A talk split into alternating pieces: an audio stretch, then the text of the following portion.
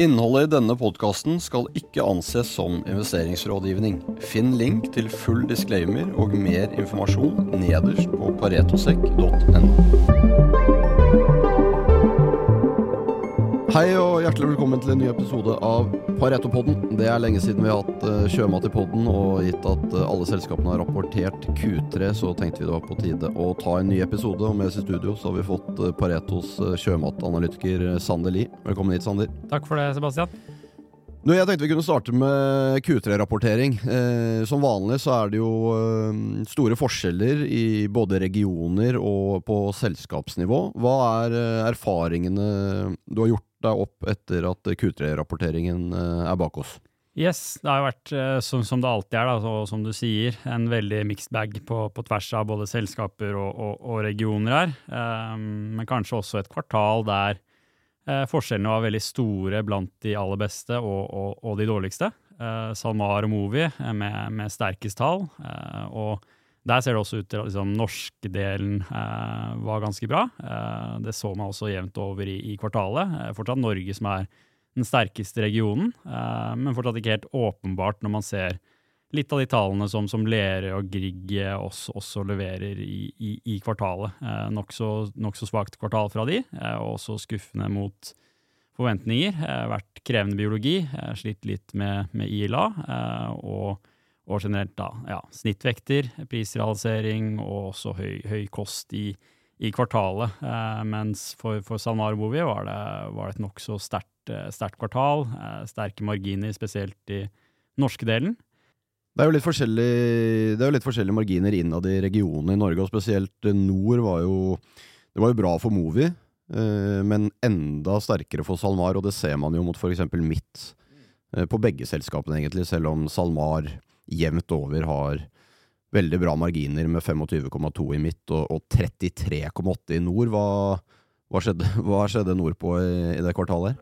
Nei, Vi hadde jo eh, bra slaktevolumer her, eh, men også god kontroll på biologi og også god kontroll på, på kostnader. Eh, og, og, og, jevnt over så, så, klaffet vel absolutt alt på, på prisrealisering her også i, i kvartalet. Så veldig sterkt kvartal fra, fra SalMar, eh, som, som, vanlig. Og, og, veldig imponerende det som har skjedd også på liksom, integrasjonen eh, av det oppkjøpet de gjorde eh, sent i fjor. da. Eh, på, på, NRS og, og NTS-delen. Um, man så jo også sterke marginer i nord for, for Lerøy, men også, også i Movi. Uh, og, og, det er litt typisk det vi har sett de siste par, par kvartalene også. Uh, veldig sterk region og gode biologiske forhold, eh, som også fører til gode, gode resultater. Da. Det var vel egentlig bare Grieg som, som skuffet litt i nord. Hva, bare ta lytterne kjapt gjennom hva, hva, som skjedde der i kvartalet. Yes, de har jo slitt med, slitt med biologi, eh, både ILA eh, og også hatt et krevende år i forhold til, eh, i forhold til Spiro. Eh, og ja, eh, når du sliter med biologien, så, så blir det lave realiserte priser, høy kost, og, og, som regel også litt lavere snittvekter og lavt slaktevolum. da. Så generelt uh, ganske svakt fra, fra Grieg i, i, kvartalet. Det er jo alltid mye fokus på, på disse spotprisene, og vanligvis så sender vi jo ut en, en ukentlig oppdatering på, på hvor eh, spotprisen ligger. men Kostnad nå har det jo vært ekstremt fokus på nå, um, på mat generelt, med inflasjon og høyere inputfaktorer og sånn. Hva, hva, er det siste på, på, fiskesektoren der? For det er klart Fiskemel, fiskeolje, inputkosten er jo én ting, men så er det jo også behandlingskoster som man har sett over en lengre periode gått uh, oppover. Ja, det har nok gått uh, bra opp, og overrasket også trolig litt på, på nedsiden i, i, kvartalet her. Uh, gå mye kost til, til biologi og behandling. Eh, men også på fòrsiden er jo det man har snakket mye om siste året spesielt. Og etter at man kansellerte fiskesesongen i Peru og, og sesongen for anchoveta, eh, så har du sett at prisen på fiskemel og olje har skutt i taket.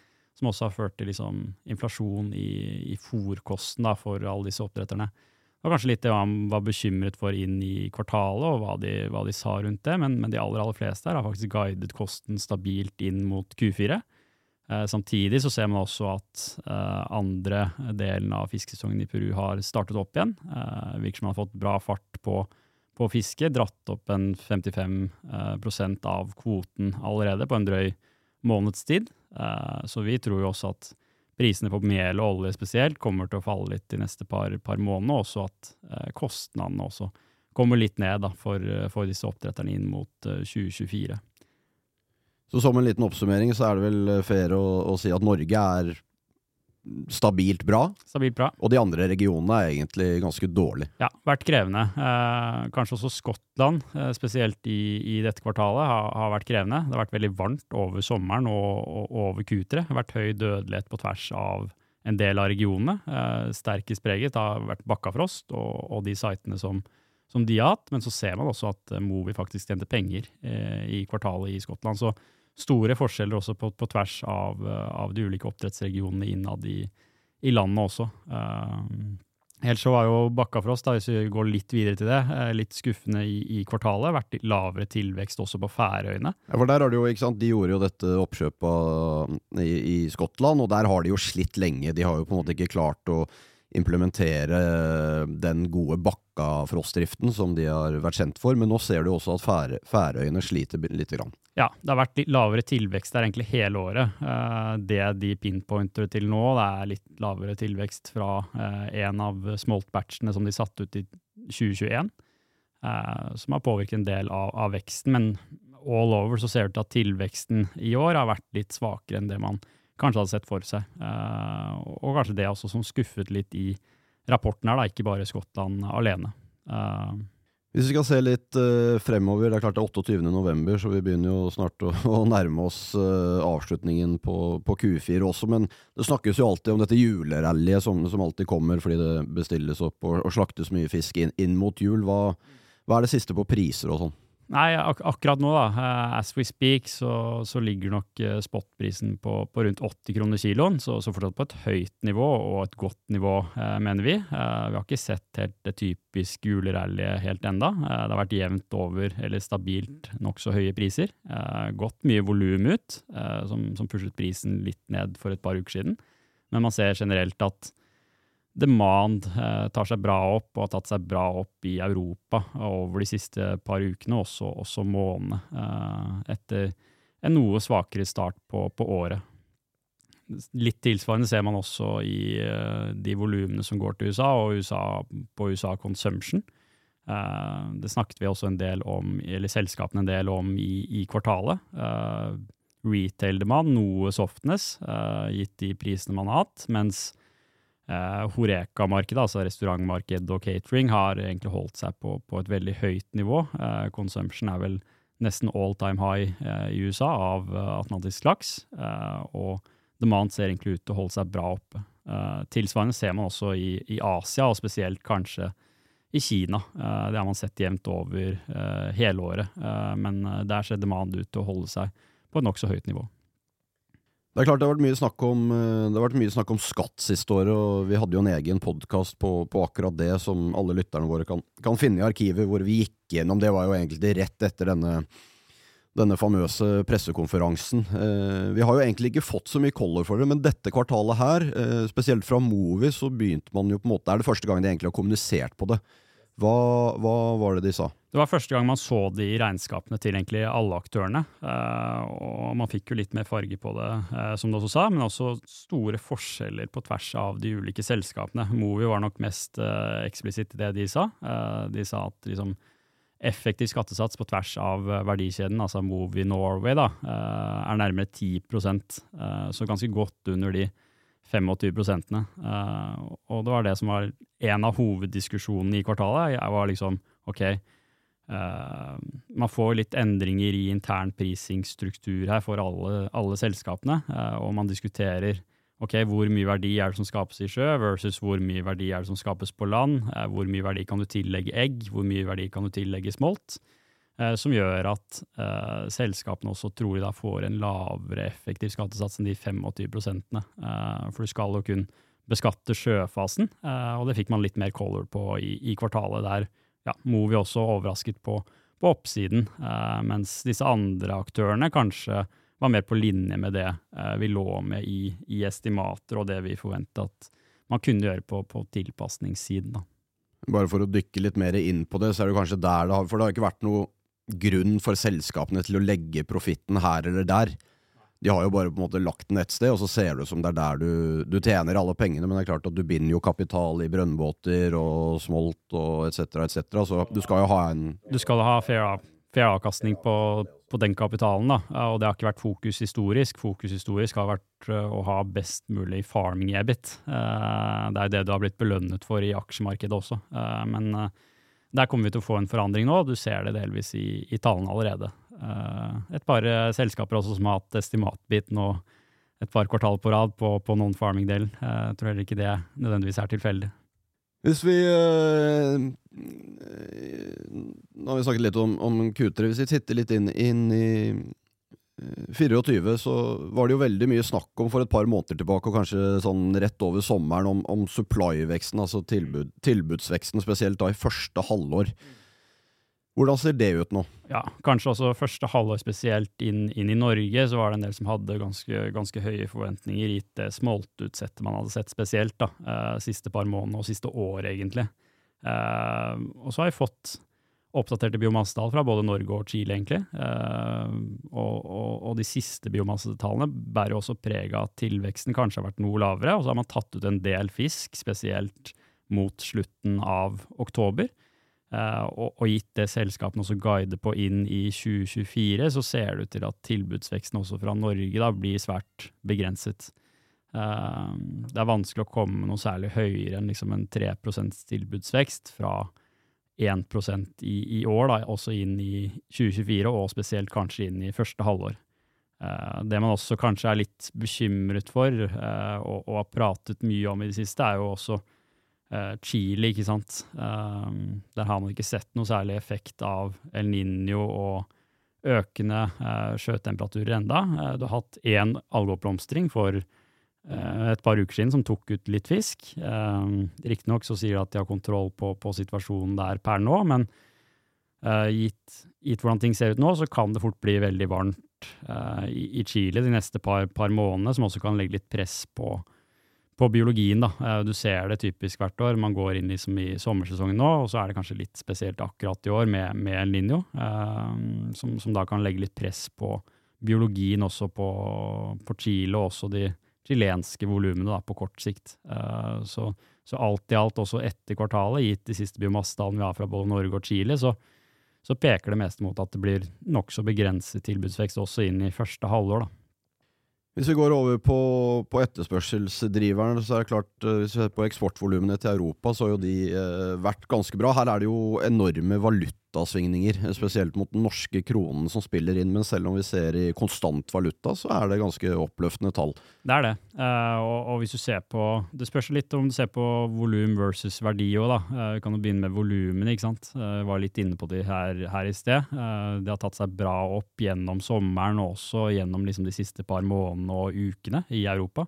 Du ser det typisk hvert år. Uh, og så har demand uh, fra både ja, USA og Asia holdt seg på, på et høyt nivå. Uh, så det man ser nå, på, hvis du ser på norsk eksport isolert sett, så ser du at year to date-volumene er ned en 2% Men hvis du ser på utviklingen i verdi, da, så ser du at eksportverdien er opp 17% år over år, fra en veldig høy base i fjor. Samtidig som at man også er opp en 4% i, i euro. Uh, så, så, det ser jo egentlig ut til at demand egentlig holder seg uh, ganske bra. Uh, og, og, vi mener jo også at liksom, utviklingen i verdi kanskje er et vel så bra metric som volum isolert sett. Da.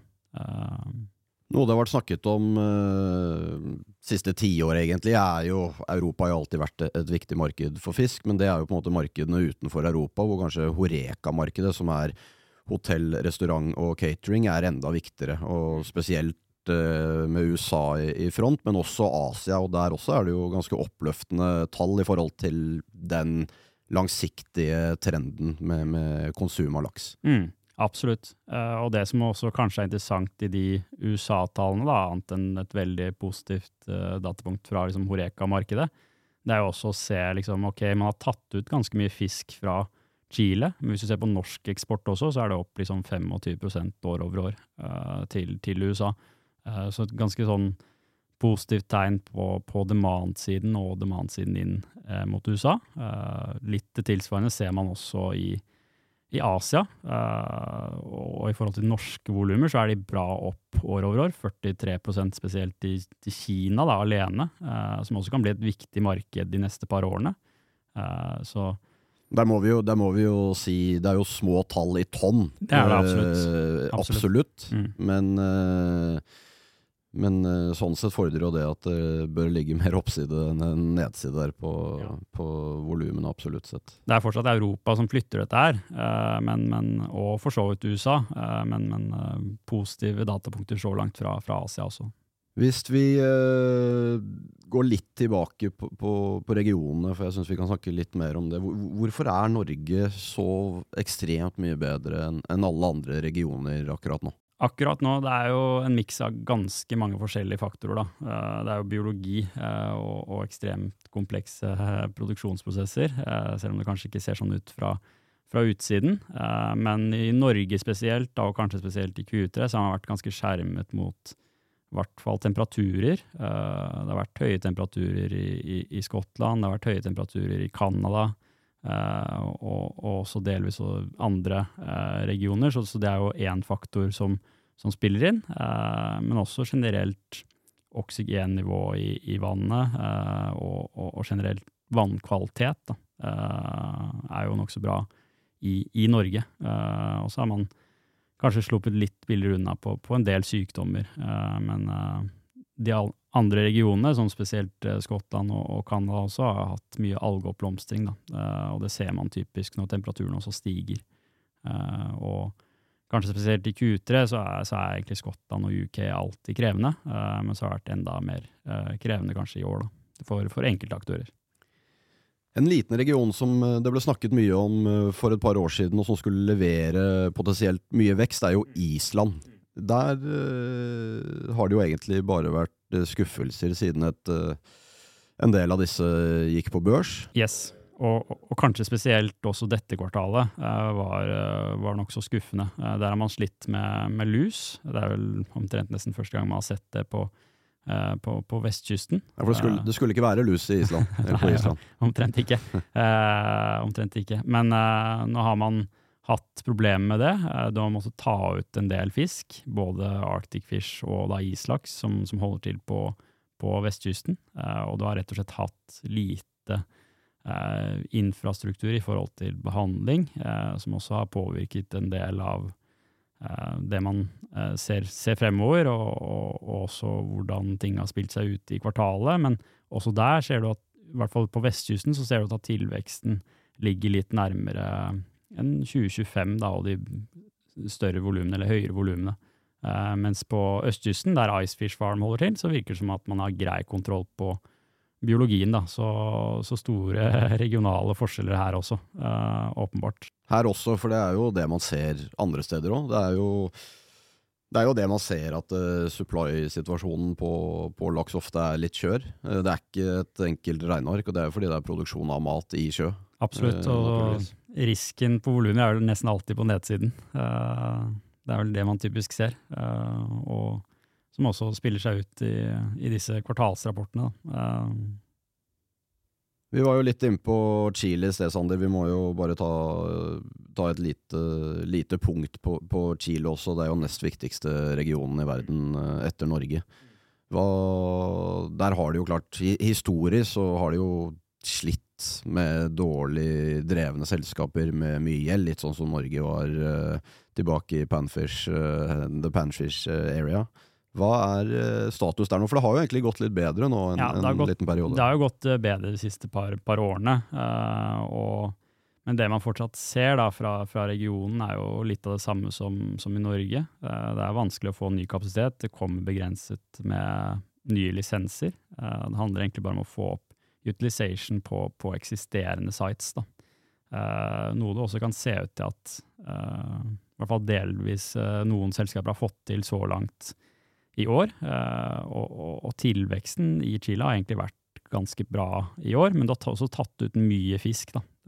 Og, og, mye fisk spesielt de siste par månedene. så også det er liksom en kombinasjon av at det ikke kommer noe særlig ny kapasitet. Trolig litt nedsiderisk på volum i forbindelse med El Niño. Eh, så, så, ser det ut til at det blir nokså begrenset tilvekst der på kort sikt, kanskje spesielt inn mot første halvår. Men så har man satt ut en del smolt i år, da, så det bør jo også uh, løfte volumene noe. Men kanskje ja, også i, også i, bakkant av de kvartalstallene vi har sett så langt, og de siste biomassetallene vi har sett så langt, så, så, så, ser det ut til at det blir begrenset med tilvekst også fra Chile inn i 2024. Um, det gjør det. Og Det er jo på en måte egentlig det samme bildet som For det er jo når du ser totalmarkedet for eh, laks, så er det jo Norge og Chile det er viktig å følge med på. Eh, fordi alle andre regioner er såpass liten eh, del av totalen. Det er jo store deler av markedsbalansen, ikke sant. Så, så fort du får noe begrenset med tilvekst fra Norge og Chile, så, så blir markedet veldig stramt. Og, det er litt det som er vår hypotese også inn i 2024. Da, da ser man det typisk i priser også, og, og, og høye priser. Hvis du bare ser på, på tallene dine her, så er jo totalproduksjonestimatet eh, ditt for neste år 2,9 millioner tonn globalt. Og Norge er 1,6 nesten, og, og Chile 764. Så da skjønner man jo hvor viktig de to regionene er. En ting som vi har begynt å snakke litt mer om uh, i takt med stigende, stigende laksepris, og laksepris uh, på 85-125 i norske kroner, Um, og en salmalaks som koster vel 450-500 kroner uh, per kilo for en filet i, i, butikken. Det er jo hvordan det ser ut i forhold til andre proteiner. Ja, det er også viktig her, for du, du når et punkt? Uh, sånn som ved starten av året, når, når, du så uh, spotpriser for laks på, på 120-130 kroner kiloen, så begynner du også å slå sluttkonsumenten. så det er ofte en analyse vi også gjør, da, å sammenligne mot, mot andre proteiner, eh, hvor, hvor, man står på relativ basis. altså Både på absolutt nivå, men også i, i forhold til eh, prisøkninger. Og, og, det man ser nå, da eh, Det er jo riktignok mer sesongsvingninger i lakseprisen enn uh, du typisk har for, for andre proteiner, som storfe og kylling osv. Beklager. Um, men, men, det man ser nå, er egentlig at det gapet mellom eh, spesielt storfe eh, og laks ikke er spesielt krevende. Man er ganske on par hvis man ser på year to date-snitt, for å få med seg liksom totaltrykket. Og, og, hvis man sammenligner med mer generelle indekser, som en meat price index f.eks., så, så er man mer eller mindre helt på linje. Så du har jo hatt inflasjon i, i andre matvarer her også. og Laks er jo fortsatt et premiumprodukt eh, i form av liksom næringsinnhold, og, og, skal nok være et premiumprodukt også. Men vi synes jo ikke at nåværende eh, prisskap mot, mot, andre proteiner er, er, spesielt krevende, da. Og Det ser man jo også på, på de etterspørselstallene vi egentlig var igjennom i sted, at det holder seg relativt godt. Det gjør det, eh, og det var kanskje litt det man var bekymret for å snakke litt om i forkant av av rapporten her, det i kombinasjon med at det skulle komme mye tilvekst i første halvår 2024. Uh, men det ser jo ikke helt ut til å spille seg ut, da. Uh, så syns jo det underliggende her fortsatt ser nokså sterkt ut, da. Jeg tenkte vi bare kunne touche kjapt inn på det som skjer på land. Der har du jo det også ekstreme individuelle forskjeller fra, fra selskap til selskap. Der er det jo også forskjeller i teknologien. De som kanskje har kommet aller lengst, er uh, Salmon Evolution.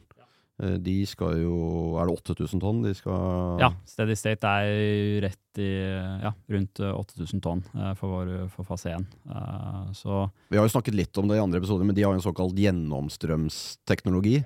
Ja, de har en hybridløsning da, som er delvis gjennomstrømming og, og RAS, eller resirkuleringsanlegg. Eh, så det er en kombinasjon av, av begge de to, og, og, det ser ut til at den teknologitypen funker uh, ganske godt. Uh, de hadde jo en incident her uh, tidligere i år, men, men, det virker som at de har fått ned dødelighetstallene. til biomassetilveksten er fortsatt god. og man nærmer seg faktisk steady state for å, for, å, komme opp på de 8000 tonnene. Så ligger det jo en del andre i, i en del andre regioner. Og klart, der har, du, der har, du, jo fordelen med at du ligger nær slutt, sluttbrukermarkedet. Vi har jo folk som holder på i Japan med, med Proximar. Vi har Atlantic Sapphire i USA osv. Eh, men det man foreløpig ser, er jo at det er ikke noe Det er jo ikke noe uh, øyeblikkelig trussel til det globale etterspørselsbildet på laks. Ikke, ikke, på kort sikt, i hvert fall. Uh, selv om man er ganske bull i de landbaserte estimatene, så, så, er det langt fra nok til å flytte markedsbalansen, i hvert fall de neste to årene. Uh, selv om en del av disse aktørene nå nærmer seg proof of concept i, i fase én. Uh, så, så, er det liksom fortsatt ganske små volumer og, og, langt ifra nok til å, til å flytte markedsbalansen her, i, i det korte bildet. Veldig bra. veldig bra. Jeg tenkte helt til slutt, så er det klart hvis du er uh, interessert i, i, fisk og sjømat, så er det i Bergen det gjelder 5. til 7. mars uh, neste år. Da går den årlige North Atlantic eh, Seafood Forum av uh, stabelen. Fortell lytterne litt hva, hva, denne konferansen er, Sander, hvorfor, hvorfor den er så viktig for, for sjømat. Det er jo en stor og viktig sjømatkonferanse som vi arrangerer hvert eneste år. Uh, tre fulle dager med konferanse. Det er de aller største, men også en del av de mindre aktørene. Uh, gir et overblikk rundt uh, latest and greatest innenfor spacet, og, og, egentlig alt som beveger seg i, i sektoren her.